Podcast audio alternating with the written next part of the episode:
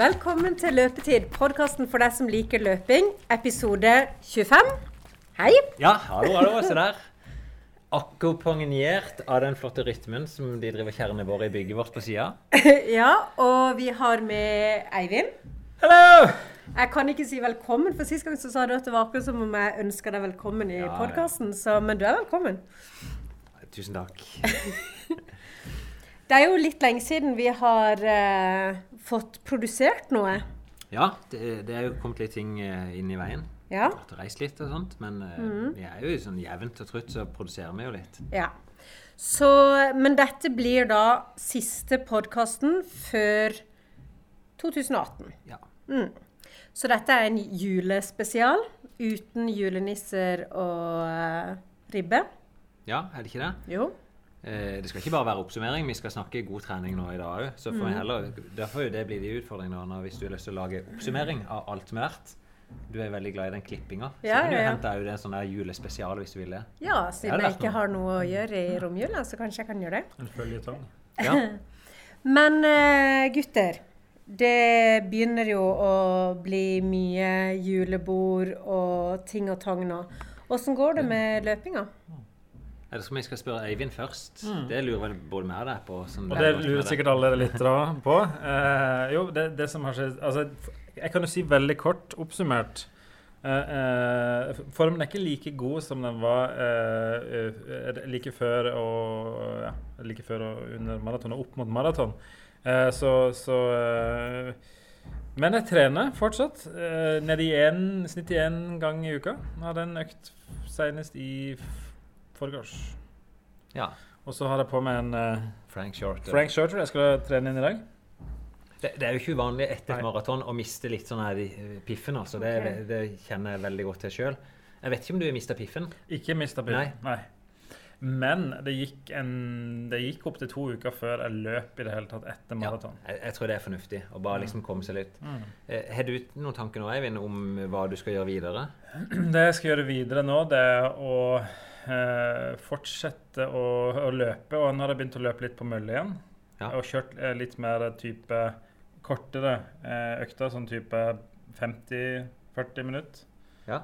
Eh, intervall. Eh, og nå som, altså Grunnen til at jeg løper på mølle nå, det er litt sånn klimaglatt. Komfort. Ja, det er forferdelige forhold ja. eh, om dagen her nede. Mm. Så, men eh, absolutt ikke med, fortsatt eh, treningsglede, Finn. Og du har virkelig inspirert meg til å, til å finne tilbake til treningsgleden. Så den er fortsatt der. Absolutt. Ja, og det, det som er, det, jeg tror jeg er litt sånn kritisk for deg nå å klare å begynne å se for deg noen nye mål. Ja. Altså, eller mål med det du holder på med. Mm, mm. For det er nok veldig lett å så gli gradvis tilbake til kall det den der sofagrisen. Ja, absolutt. Uh, og nå skal ikke jeg, jeg trenger ikke utfordre deg på direkten på det, men jeg ville tenkt, hadde jeg vært der, Mm. Så ville jeg begynt å tenke på noen ting du har lyst til å gjøre i 2018 Mm. som kan stimulere deg til å komme opp litt mer enn én gang i uka. For Mm. eh, det kan jeg si, Én ei treningsøkt i uka, for de aller fleste er det altfor lite. Målet er tre i Ja. uka. Mm. Altså I forhold til alt av sånne anbefalinger for å få god helse. og alt. Eh, Så det er et godt, godt, godt spørsmål. Finn. Eh, Jeg kjente jo det med New York Marathon. Når du sier mål, så var jo New York Marathon en, en, en veldig motivasjonsfaktor her. Eh, så, så jeg tenker jo sommerløpet, selvfølgelig. Og alle lyttere som hører på, må jo selvfølgelig bli med der. Og da er det jo å slå eh, halvmaratontida mi. Eh, ja. Ja. Det er ett mål, i hvert fall. Ja, det, og det er fullt mulig å gjøre det. Og det trenger heller ikke være den halvmaratonen. Du kan ha være en 10 km eller 5 Ja. eller hva, det måtte være. Mm.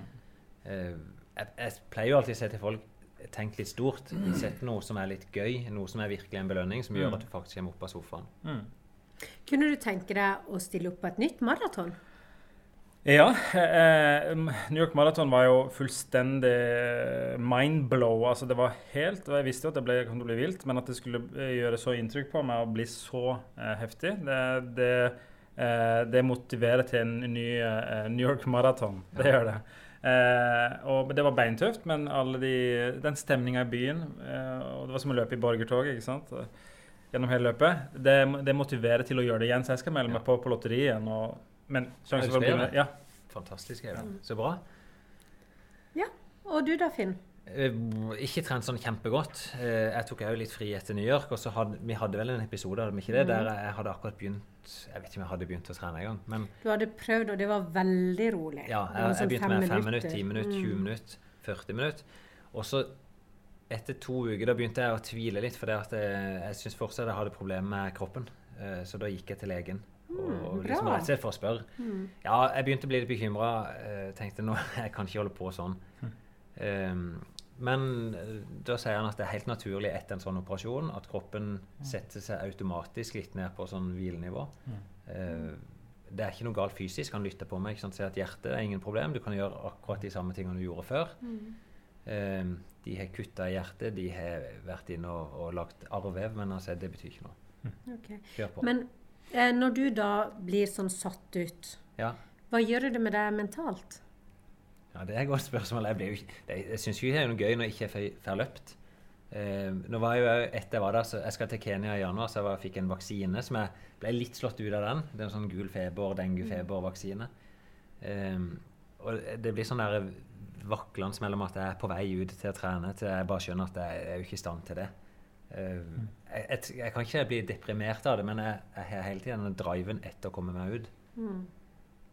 Men så er det da, nå, mitt mål for neste år det er London Marathon 2018. Det er i slutten av april. Og da har jeg sagt at eh, 1. januar så begynner, da begynner kjøret mot det. Så jeg gir meg fortsatt veldig sånn slack akkurat nå. Jeg, jeg skal bare holde hjulene i gang. Og så når jeg kommer til 1. januar, så er det én vei jeg kikker, og det er på London. Og nå, jeg satte meg et veldig hårete mål, da, og det er 2,29 på maraton. Jeg har lyst til å liksom naile Wow. den en gang for alle. Steike. Og dessverre så vet jeg hva det krever. og det, det krever ganske mye trening over tid. Jeg fikk gåsehud ennå. Steike. Uh, ja, det, men Nei, det er vilt. Uh, for meg så er jeg nødt til å si det. Liksom, Og annonsere det og si at det er dette jeg skal gjøre for at jeg skal ha den motivasjonen. Sånn at jeg vet når jeg kommer til januar, så må jeg begynne å gjøre jobben. Og da reiser jeg jo rett til Kenya. 5. januar så setter jeg meg på flyet, og så skal jeg være i åtte dager nede i Kenya. Og det er jo sånn, du reiser ikke åtte dager til Kenya for å få en treningseffekt. Her skal jeg opp på 2400 meters høyde, men det, den plassen i Kenya som mer eller mindre alle verdens beste løpere er fra, det er en plass som heter Iten, litt utenfor en by som heter Eldoré. Eh, der trener f.eks. Sondre Nordstad Moen, som akkurat har satt norsk rekord på maraton, eh, sammen med ja, hundrevis og tusenvis av andre av verdens beste løpere. Så jeg skal ned og snakke med Sondre, skal snakke med treneren hans, er i hvert fall målet. Eh, og mange av de andre. Og få litt inspirasjon som trener. Som liksom lære litt mer hva er det de beste gjør, og ta med meg det hjem. Og så litt sånn av meg sjøl òg på vei mot maraton til London at det skal gi meg litt motivasjon. Og så skal du løpe ultra for første gang. Det skal vi gjøre, vet du. De har allerede funnet et løp ute i juni, tror jeg det var, som de hadde en plan om at jeg kunne være med på. Ja, så gøy. Det, jeg- det gleder jeg meg veldig til. Ja. det, det tror jeg på. Men vi er fornøyd med Eivind, er vi ikke det, da? Ja. Eh, det blir litt sånn takk av Eivind her. Du kan sikkert komme innom seinere. Absolutt. Eh, vi treffer jo deg hver dag på jobb. Jeg, jeg er jo borte og pirker litt på Eivind eh, ofte. Det er bra, det. Ja. Jeg har hatt to løpeøkter i uka og tre styrkeøkter i uka. Så jeg trener fem dager i uka. Ja, det er veldig bra. Er Så jeg løper en sånn eh, en time rolig og en intervall. Ja, det er Nå har jeg gått fra de der eh, fire minutter eh, åtte eller ti ganger til å så løpe pyramiden, Hm. som dere hadde. Med ett minutts pause imellom. Ja. Mm. Og Den syns jeg er kjempegøy. Og når du snakker om pyramiden, da snakker du om fem, Fem. minutter, fire, tre, Ja. to, én. Og så ett minutts pause, og så i serie. Ja, og så gjør jeg det en gang til. Og så siste minuttet på den siste, så kjører jeg to minutter. Da, da går jeg så fort, høyt opp jeg kan i hastighet. Tar et siste minutt bare for gøy. Ja, men det er bra. Uh, du er jo nærmere fasit enn du kanskje vil tro. For det, jeg gjorde akkurat den økta nå på lørdag i garasjen sammen med ei annen løper. Da gjorde jeg tre serier, da. 5, 4, 3, 2, 1 ganger 3. Siste minuttet så kjørte jeg opp på kan vi kalle det Sondre Nordstad Moen hastighet. 20,2 km i timen, som han hadde i snitt på siste Det er så vilt. Ja, er ikke Det er så der, da. vilt. Og det kjennes for meg Det kjennes ikke som spurt, men det kjennes ut som veldig hardt. Det må folk prøve en gang. 20,2 km i timen, det er altså Sondre Nordstad sin norske rekord på maraton. Er Omtrent dobbelt så fort som jeg løp på min. ja. Men vi skal ikke bare stå og mimre, skal vi det? Nei. Skal vi sende Eivind ut? Tusen takk, Yes. Eivind. Ja, vi snakkes igjen. Gjerne. ja, vi snakkes igjen, og god jul. Takk for det. God jul, alle lyttere. Ha det bra. Veldig bra. Vi, vi har jo noen tema, og, og vi sa, det skal ikke bli en oppsummering av alt vi har gjort gjennom året, men jeg tenkte et av leserspørsmålene har vært hvordan en planlegger eh, trening for en hel sesong. eh, var det han Jonathan, var det ikke det? Jonas sin, som spurte oss egentlig det. Hvordan sette opp et program for et helt år med trening. Og det, eh, det er akkurat den fasen jeg har vært gjennom med mine utøvere nå. Eh, og da har jeg laget sånne skriv, jeg har laget noen generelle retningslinjer vi skal se på. Og så når, når vi er liksom enige om det, hva er prinsippene for trening som skal gjelde gjennom vinteren og våren og sommeren, så går vi inn på hver enkelt utøver og ser på målene til utøveren, og så spikrer programmet. Så jeg står egentlig med to dokumenter i hånda som jeg tenkte å kikke litt på, da. yeah. Som er det generelle, og så det spesielle for en av utøverne mine. Så skal vi ta gått litt gjennom det. Yeah. På, og da kan du òg utfordre litt hvis det er ting du lurer på. For det som folk må huske på når de hører dette, er at dette er for Jeg skal ikke si toppidrettsutøvere. Dette er eh, si aktive ungdom. Det er folk som er på vei opp og fram.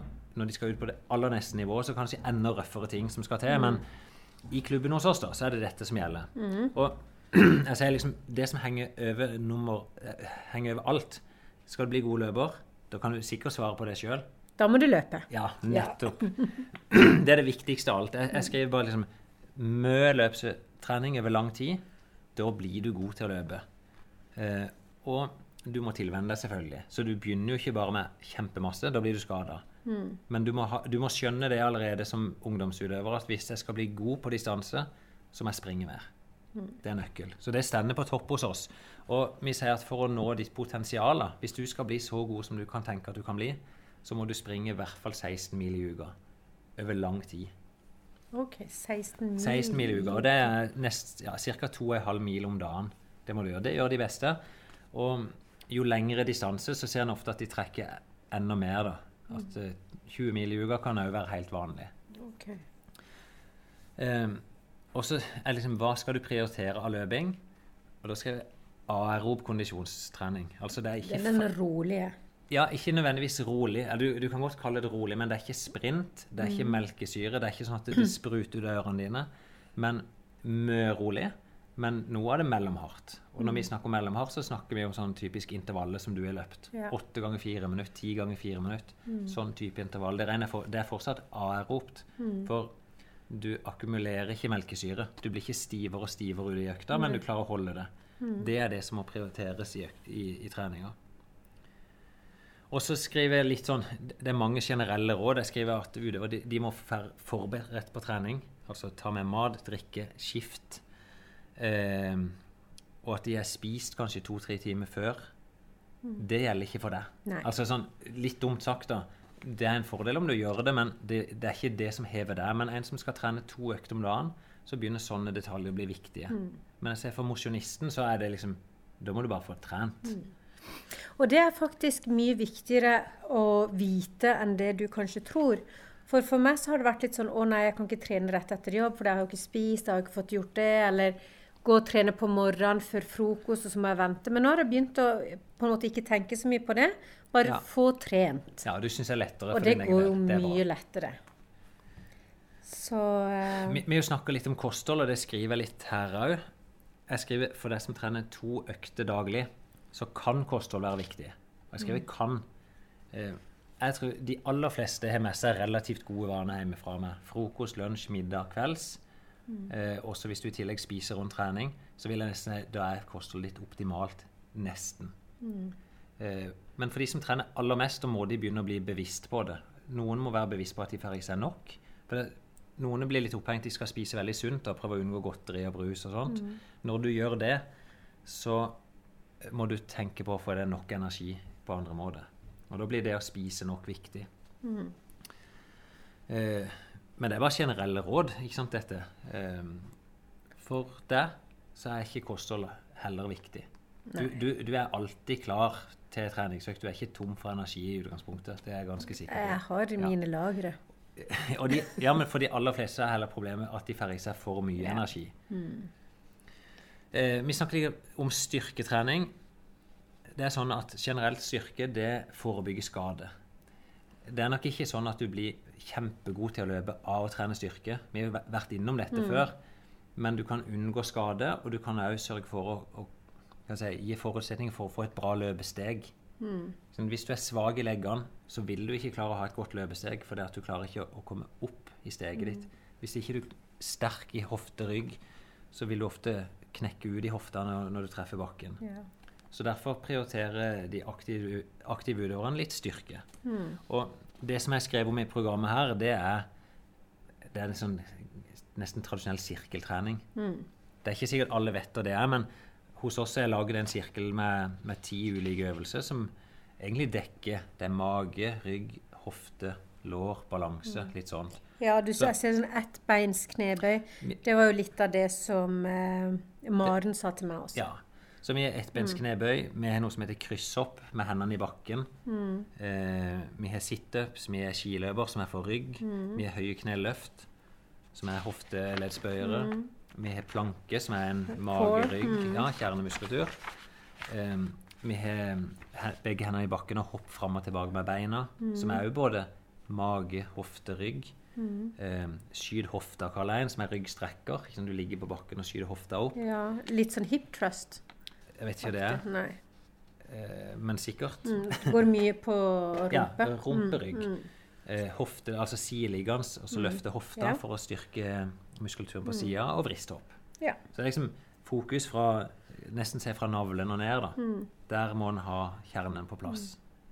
Og dette gjør utøverne to ganger i uka. og det er sånn, Hvis du skal bli god til å løpe, så er det sier, spring mye. Hvis du har tid til å gjøre dette i tillegg, supert. Så ser de jo en viss tendens til at jo, dårlig, eller jo mindre du trener, så har du mer effekt av styrketrening. Ja.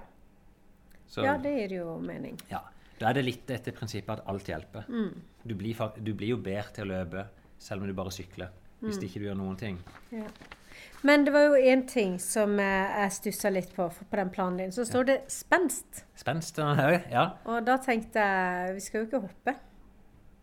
Nei, på, på et vis. eh, Løping er jo hopping, egentlig. ikke sant? Ja. Du er én fot i bakken. Eh, men da kan du nesten si at jo fortere du skal springe, jo mer spenst og fart og trøkk må du ha i beina. Mm. så en, det vi kaller mellomdistanseløper, er en som springer 800 meter, 1500 meter, de prioriterer ofte å ha litt spenst. Og det er typisk hopp, altså eksplosive hoppøvelser for å styrke det vi kaller strekkapparatet. Altså det, du, det å skyve ifra. Ja. Men som jeg skriver her, for de som skal være gode på distanseløp, så er ikke dette avgjørende. Men det kan hjelpe deg å bli sterkere i løpesteget. Altså du kan få en bedre løpsteknikk. Så vi gjør litt sånn typisk drill- og spenstøvelse på de beste. Så er det én ting. Jeg ser at det står søvn og hvile. Nå Ja. er det jo litt sånn der eh, festtid som står foran oss. Jeg har hørt at eh, hvis du har vært ute og det har blitt litt seint, man kanskje har drukket litt mye og sånn, Ja, så skal man droppe treninga dagen etter. Man får ikke noe ut av treninga likevel. ja det, Er det eh, riktig, det? Nei, jeg skal ikke si tvert imot, men eh, trening hjelper alltid. Altså Så sant ikke du er overtrent eller trent for mye eller trent for hardt. Men eh, det er mer ubehagelig å trene dagen etterpå. Så du kan sånn, i teorien si at eh, det er ikke så lett å få gjort ei god kvalitetsøkt. Men hvis du bare har viljen til det, så, så funker det på samme vis. Jeg sammenligner det ofte med å ta pushups. Du blir, du blir bedre til å ta pushups selv om du gjør det i fylla eller om du er edru.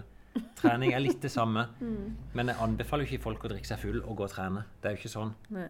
Men jeg syns det er veldig dårlig unnskyldning å si jeg kan ikke trene for det jeg var ute dagen før.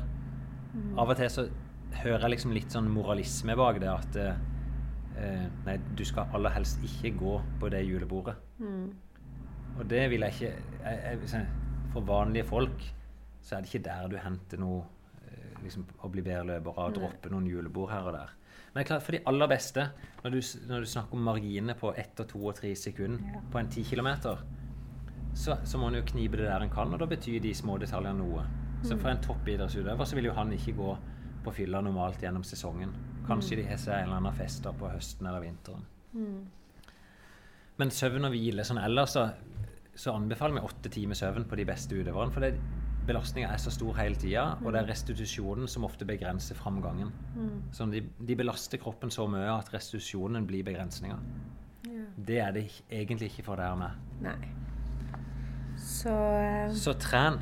Ikke sant? Det er litt sånn. Sko har vi snakka noe om. Jeg skriver litt om det her. Treningsdagbok. Det, er jo noe jeg anbefaler å gjøre for å kunne følge framgangen. Altså, mm. følge, si at jeg har lagt en plan. Følger jeg faktisk den planen, så du kan gå tilbake etterpå. Og eventuelt hvis noe har gått galt. Så er det jo ofte der du finner svaret veldig lett. Jeg skriver 'hold deg frisk', det er lurt. Eh, det er jo ikke noe, altså Da er det generelle råd. For de beste utøverne så snakker vi om håndhygiene, f.eks. Det å vaske seg etter dobesøk, vaske seg før måltid. Eh, og det er jo det det gjenger på. Holde seg generelt tørr og varm. Det, det funker bedre enn å være kald og skitten. ja. Men det er jo enkle råd. Eh, vi skriver noe om legetime. At jeg anbefaler alle, om du er idrettsutøver eller bare en si, vanlig person, å så stikke innom legen minst en gang i året og sjekke jernverdier og D-vitamin og litt sånt. Eh, de beste utøverne så gjør vi det som i utgangspunktet hver tredje måned. Veldig ofte så ser vi når de trener mye, særlig jenter som menstruerer, så ferdig, kan de miste så mye jern og det, det blir ofte sånn diffuse symptomer. At eh, du får ikke den framgangen du hadde trodd. Og så begynner en å kanskje trene mer, eller legge om på treninga, så ligger egentlig problemet bare i, i jernmangel. Ja. Og så tester vi oss. Da, på de, disse utøverne så tester vi oss minimum hver andre måned. Utgangspunktet er at vi skal klare hver måned så skal vi ha en test. Og en, en test trenger ikke være noe som er maks. Um, Det kan være, altså Den testen vi gjør på langdistanseløperen, det er seks ganger seks minutter på tredemølla rundt anerob terskel. For terskelfarta, da, altså hvor fort kan du springe uten å bli stiv, det er det som forteller hvor god du er. Og det, vi prøver å flytte den farta opp. Og hvis en skal bruke Hans Sondre Nordstad Moen som eksempel, som nå sprang sant, 42 km på to timer og fem minutter. Da springer han 20 km i timen hele veien. Og det, da, da er han jo Han springer uten å akkumulere noe mer og mer melkesyre. Så det er hans terskelfart? Ja, enda høyere, for han sprang halv maraton på Ja. 21 km i timen. Han sprang på 59 minutter. Så når du setter mølla på 21, så springer han fortsatt ikke å akkumulere melkesyre. Ja. Jeg ligger klistra til veggen bak, jeg. Ja. Så bare sånn, så ikke folk misforstår Når jeg sier akkumulere altså, Han produserer melkesyre, han òg, men han kvitter seg med det underveis. Ja. Så det blir ikke mer og mer. Og, og det er det vi ønsker, å kunne springe fortest mulig uten å akkumulere melkesyre. Og Ja, nei, det- for å gjøre det best, da har vi skrevet litt om det her. Liksom, for å øke terskelen Det som påvirker det, det er jo din VO2 max. Altså kan si, makskapasiteten Ja. på hjertet ditt. Okay. Men så er det òg arbeidsøkonomien din. Og da kan du på et vis si hvor teknisk bra du springer, men det er ikke egentlig det vi måler. Det er åssen forbruk har du. Det kan tenkes som en bil. da. Mm. Hvor effektivt kjører du med en bil? Det er hvor lite bensin, Bensin du du bruker. bruker. Og her snakker vi om hvor lite oksygen du bruker når du springer. Så da kan du si hvis du er en stor motor, stort hjerte, og så veldig lite forbruk, så er det et godt utgangspunkt for å bli god. Da vil du få en høyere fart på terskel. Og så har du noe som de kaller liksom utnytting. Og det er litt for, forskjell hvor lenge du klarer å ligge nærme maksen din. Så jo bedre trent du er, så vil du se at du klarer å ligge nærmere maksen din over tid. Så du vil både ha et høyt maks, så vil du ha muligheten til å ligge lenge nærme maks, og så vil du ha et lavt forbruk. Det er de tre liksom, parametrene som vi streber etter å forbedre.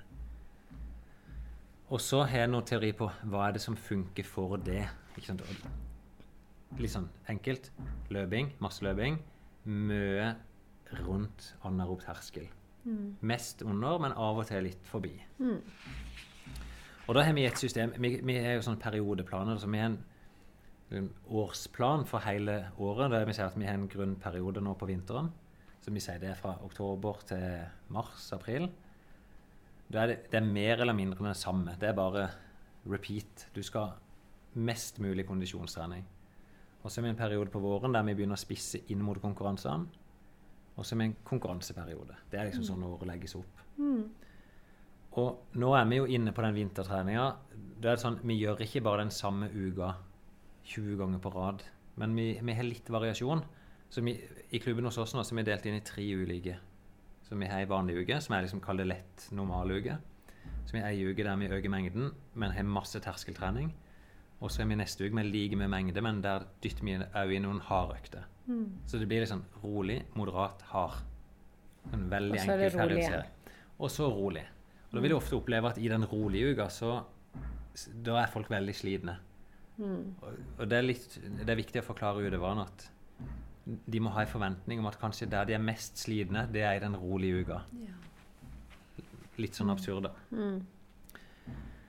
Så da er vi liksom Du har året som periodiseres. Du Mm. har Uka. ukene, altså uke for uke. Men Mm. så innad i uka igjen, så er det jo ikke sånn at eh, alle hardøktene kommer mandag, tirsdag og onsdag. Nei. Men da er vi innad i uka, så har vi satt opp en plan. Og da er prinsippet der at vi vil heller ha en dag veldig hard og så en rolig, enn å fordele hardøktene ut. Okay. Så de beste utøverne, hvis du ser på planen her, vil typisk kanskje på en mandag ha intervalltrening både på morgenen og på kvelden. Mm. Så blir den veldig tøff. Yeah. Du får et stort stimuli, ikke sant? du får stor belastning på kroppen. Og så kommer to rolige dager. Og når jeg sier rolige, så er det yeah. sånn her eksempelet seks ganger seks minutter på mandag morgen. Tolv ganger 1000 på kvelden. Og da blir det jo over 20 km intervall den dagen. 20-25 km. Da er neste, det som vi kaller rolig, da, det er to løpeturer på en time. Nei, to, to løpeturer på 10 km. Mm. Og så noe sirkeltrening. Og så kommer onsdag 15 km rolig. Og så kommer en ny tøff dag igjen. For det er prinsippet ikke sånn stor belastning gir stor, stort løft når du springer rolig igjen. Så en ny dag med stor belastning, så rolig. Men så, sånn trener de to ganger om dagen hver dag, nesten? Ja, de beste gjør det. Det, det normale vil kanskje være to økter om dagen og så kanskje en lang lang tur på søndagen. Det er liksom litt standard. Eh, I Kenya så ser vi at noen er innom tre økter om dagen. At de springer klokka seks, klokka ti og klokka fire. Men, men normalen er nok to, altså. Og så er det noen som velger varianten, altså har heller lengre, tøffere økter. Mm. Eh, og det funker, det òg. Det, det krever litt mer sånn mentalt. Mentalt, ja. Og så er det jo sånn det, det er tøffere å springe da 20-25 km intervall på ei økt enn å dele opp i to, for du får jo ingen restitusjon imellom. Og ulempen da kan være at det vi kaller restitusjonstida, altså tida før du er klar for neste økt, kan bli så mye lengre av det. Så derfor så velger i hvert fall vi og veldig mange heller å dele opp i to. For da er det kortere tid til du er klar til neste intervall. Mm. Da begynner du nok å snakke om veldig små detaljer på hva er det som funker og ikke. Og, og hvis en liksom skal krydre alt dette ned til bare liksom veldig enkelt De må springe mye, og så må de ha en del av det som intervall, altså oppi sånn rundt anaerob terskel. Jeg skal ikke si mest mulig, men du må nok opp imot det du tåler, da. For vi får jo veldig mye sånn spørsmål sånn hvor, eh, hvor Hva skal jeg gjøre for å løpe en 10 km på 40 minutter? Ja. Hva skal jeg gjøre for å bli flink i det løpet, i det løpet? Men gjelder det ikke bare egentlig å trene mye på det du skal bli god på? Litt sånn forenkla så kan du si det. Men hvis du skal springe fort på en 10 km om seks måneder, så vil jeg brukt litt tid først på å tilvenne seg mye trening. Og så vet vi at det å trene mye, og mye terskeltrening, altså moderat, det løfter terskelen din gradvis. Og, det vil, du, du vil ikke ha følelsen av å presse deg veldig hardt på de øktene. Du føler ikke at du forbereder deg til en 10 km. Men når du da nærmer deg, når det er kanskje to måneder igjen, så begynner du å trø på med litt tøffere økter som er i den farta. Så trenger du typisk bare fire, seks, åtte uker før toppformen er der. Ja, for da har du så, Så, mye så det, det, du kan tenke du bygger opp et grunnlag sånn at du kan spisse. Ja. Du kan jo liksom Mange bruker som en pyramide. ikke sant, at Jo bredere utgangspunkt i bånn, jo høyere kan du komme. Og Det er litt sånn med trening òg, at eh, når du trener veldig stort volum, så kan du komme høyt på det. Og så når du spisser, så begynner du å spisse på et veldig høyt nivå allerede. ja, nei, det er kjempebra. Så eh, den der planen Hvordan skal jeg bli best mulig på en 10 km, så er det jo de prinsippene som jeg snakker om her. Men så sa jeg jo det at for enkeltutøverne igjen ikke sant? Vi må være enige om prinsippene for hvordan du skal bli god. Så kan det jo være at du som utøver har noen behov som er litt annerledes enn nestemann. Så derfor prøver vi å ha samtale med hver av de og si ok, hvor god har du faktisk lyst til å bli? Jobber du nå mot å bli Europas beste løper, Norges beste løper, best i terrengkarusellen? Det er litt forskjellig ikke sant, i forhold til hva, du, hva skal vi legge inn i det. Og så er jo motivasjonen for å ville ha det vondt. Ja. Ja, for det har jeg tenkt litt på. For det, eh, nå holder jeg på med disse treningene. Og jeg merker at det er ikke sånn vondt, vondt, men jeg kjenner det i akillesen. Ja, Eh, så tenker jeg sånn Er dette her en smerte som er tåler? Ja, absolutt. Mm. Eh, er det noe galt? Jeg vet ikke. Eh, bør jeg bare fortsette å trene? Hmm. Ja, og det, det er gode spørsmål. Eh, og jeg kan ikke si at fasiten er kutt og tren bli kvitt skaden. For jeg har jo gjort det motsatte sjøl. Mm. Så jeg gikk nesten i hele år og hadde vondt i akilles. Og klarer likevel målene mine. Og jeg leste òg nå at Sondre Nordstad han sa nå, nå skulle han prøve å bli kvitt skaden sin, for han hadde gått skada siden i april. Mm. Eh, og med skader så mener han at okay, de første fem minutter av alle løpeturer, det var sånn pingvingange, nærmest. Ja. Og det er litt det samme jeg har gjort. Men, Men- det går men- greit å løpe Det, det er jo en kalkulert risiko, Mm. og det kunne òg gått galt. Hvis jeg hadde sett sjøl at det gikk feil vei, Mm. så hadde det jo blitt mislykka. Men Så- jeg tenker sånn eh, hvis, hvis man er litt sånn der eh, sånn eh, lett mosjonist som meg eh, så, For jeg tenker jeg får jo nok restitusjon og alt dette her. Men jeg kjenner jo Og jeg blir litt sånn der eh, Spesielt når jeg våkner på morgenen, så kjenner jeg det spesielt at det er sånn stivt i Ja. akilles. Eh, men jeg kan bare fortsette å trene. Det er Ja. sånn det skal være. Er det ikke det? Nei, det, skal jo ikke, det, det er jo en skade, det er en irritasjon som er der. Mm. Um, så er det jo et valg. Jeg kan si, Det som er da, at det vil tære på din motivasjon for å trene. For det, det å ha vondt, det er et signal til kroppen din at dette må du ikke gjøre. Mm. Så er spørsmålet om du vil holde på sånn og håpe at det vil gå over seg sjøl. Kanskje det gjør det. Eller så vil det alt, for alltid bare bli sånn som det er nå. Ja. Fram til du gjør en endring. Så det gode rådet det er jo å bli kvitt det. Finne ut hvorfor det er der, og så begynne å gjøre noe med det. Og hvis du da klarer å opprettholde aktivitet samtidig, så er jo det veldig bra. Men noen skader krever at du må kanskje avstå fra det du syns er gøy en periode, og gjøre noe annet. Ja, for jeg tenkte at det kanskje var litt sånn som hofta. At jeg må bare trene meg opp. Så jeg har tatt litt sånn Jeg prøvde å trene legger. Ja, men, men da ville jeg kanskje oppsøkt hjelp. Ja. Ikke sant? Og, og, og fått den hjelpa før du begynner å egenbehandle. Ja, men det er lurt. Det, ja, det, det, er, det er vurdering du må gjøre sjøl. Mm, ja. Jeg har bare trodd at vi skal ha vondt, for du har jo vondt Nei. alltid et eller annet sted. Nei, men det jeg synes det er et veldig godt spørsmål. Du skal ikke ha vondt. Altså, Utgangspunktet er at du ikke skal ha vondt. Men det er jo ikke farlig å ha vondt. Sånn, men det krever noe av motivasjonen din, og jeg vil anbefale folk å bli kvitt vondten. Ja. Og jeg prøver jo på det sjøl. Og derfor, med utøver så legger vi ofte inn en sesongpause. Men den er ikke sånn at de bare tar en måned fri. Da kan du òg ha fokus på at ok, vi har disse skadene, de må vi bli kvitt. Det er nå du kan gjøre de grepene for å bli kvitt de. Så at når du starter opp igjen, så skal du aller helst være skadefri. Ja. Det vi ofte ser hvis du bare tar fri og begynner på igjen, så er skaden der fortsatt. ja. Det var vel Eh, i hvert fall veldig sånn der eh, stort om trening, da. Ja, det var jo det. Men det er jo, det er jo stort. Og Ja. jeg lurer litt på sånn som nå eh, Vi har jo dette føret som vi har ofte her på Sørlandet, at det er mye is, og det er glatt og Ja. dårlig føre. Er det Hvis du ser risiko i forhold til treningsutbytte å løpe på sånn Ja.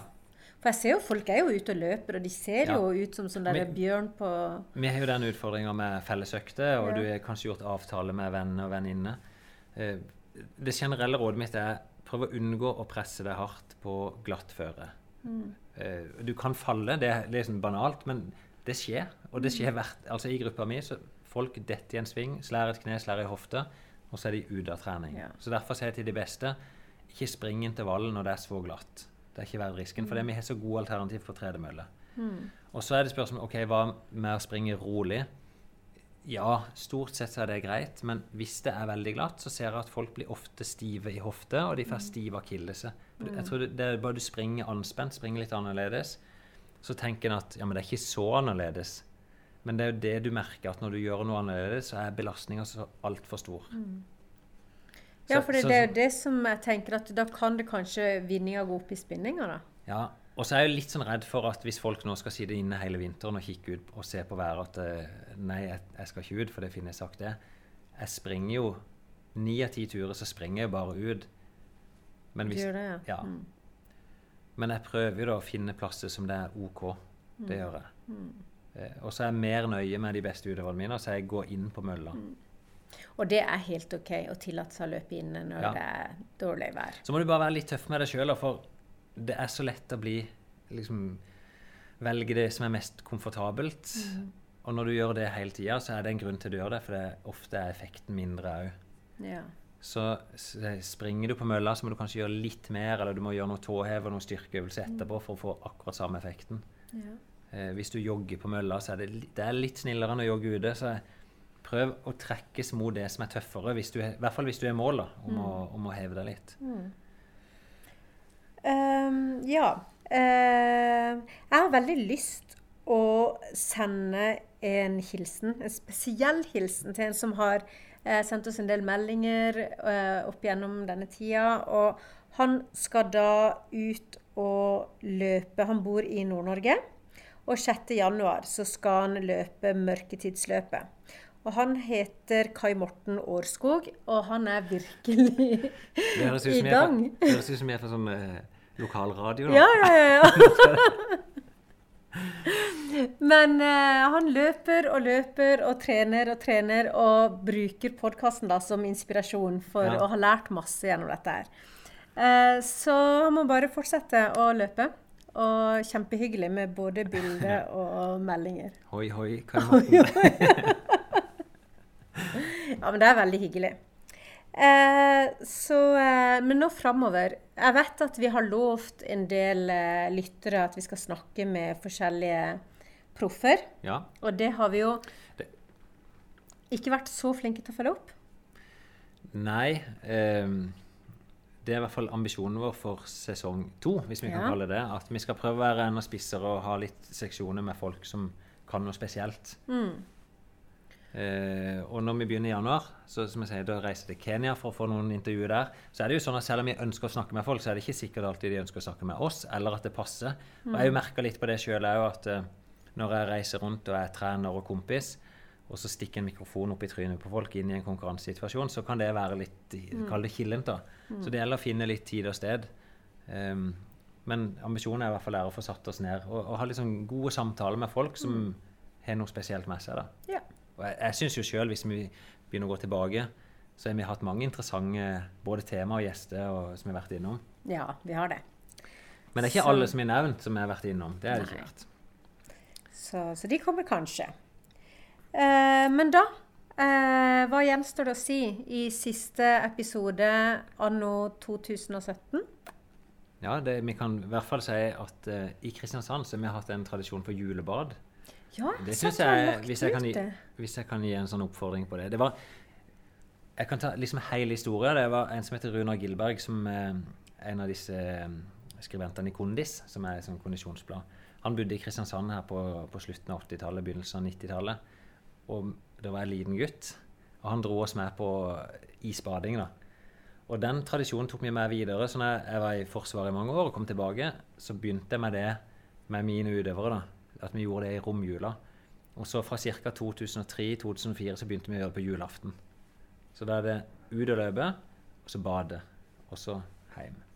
På julaften. På julaften. Ser ikke dere på tegnefilm og spiser Ja, ungene og- gjør det. Så, eh, men jeg tror for, for mange så er det veldig fint. Du føler at du har gjort noe. Så de siste årene så har vi klart å samle ja, i et par hundre mennesker på Bystranda i Kristiansand. Oi. Som alle da bader mer eller mindre sammen. da. da de som er interessert i å løpe først, da springer vi en tur. Og så bare samles vi, og så er det brum, alle mann ut på Bystranda og så dukker seg i isvann.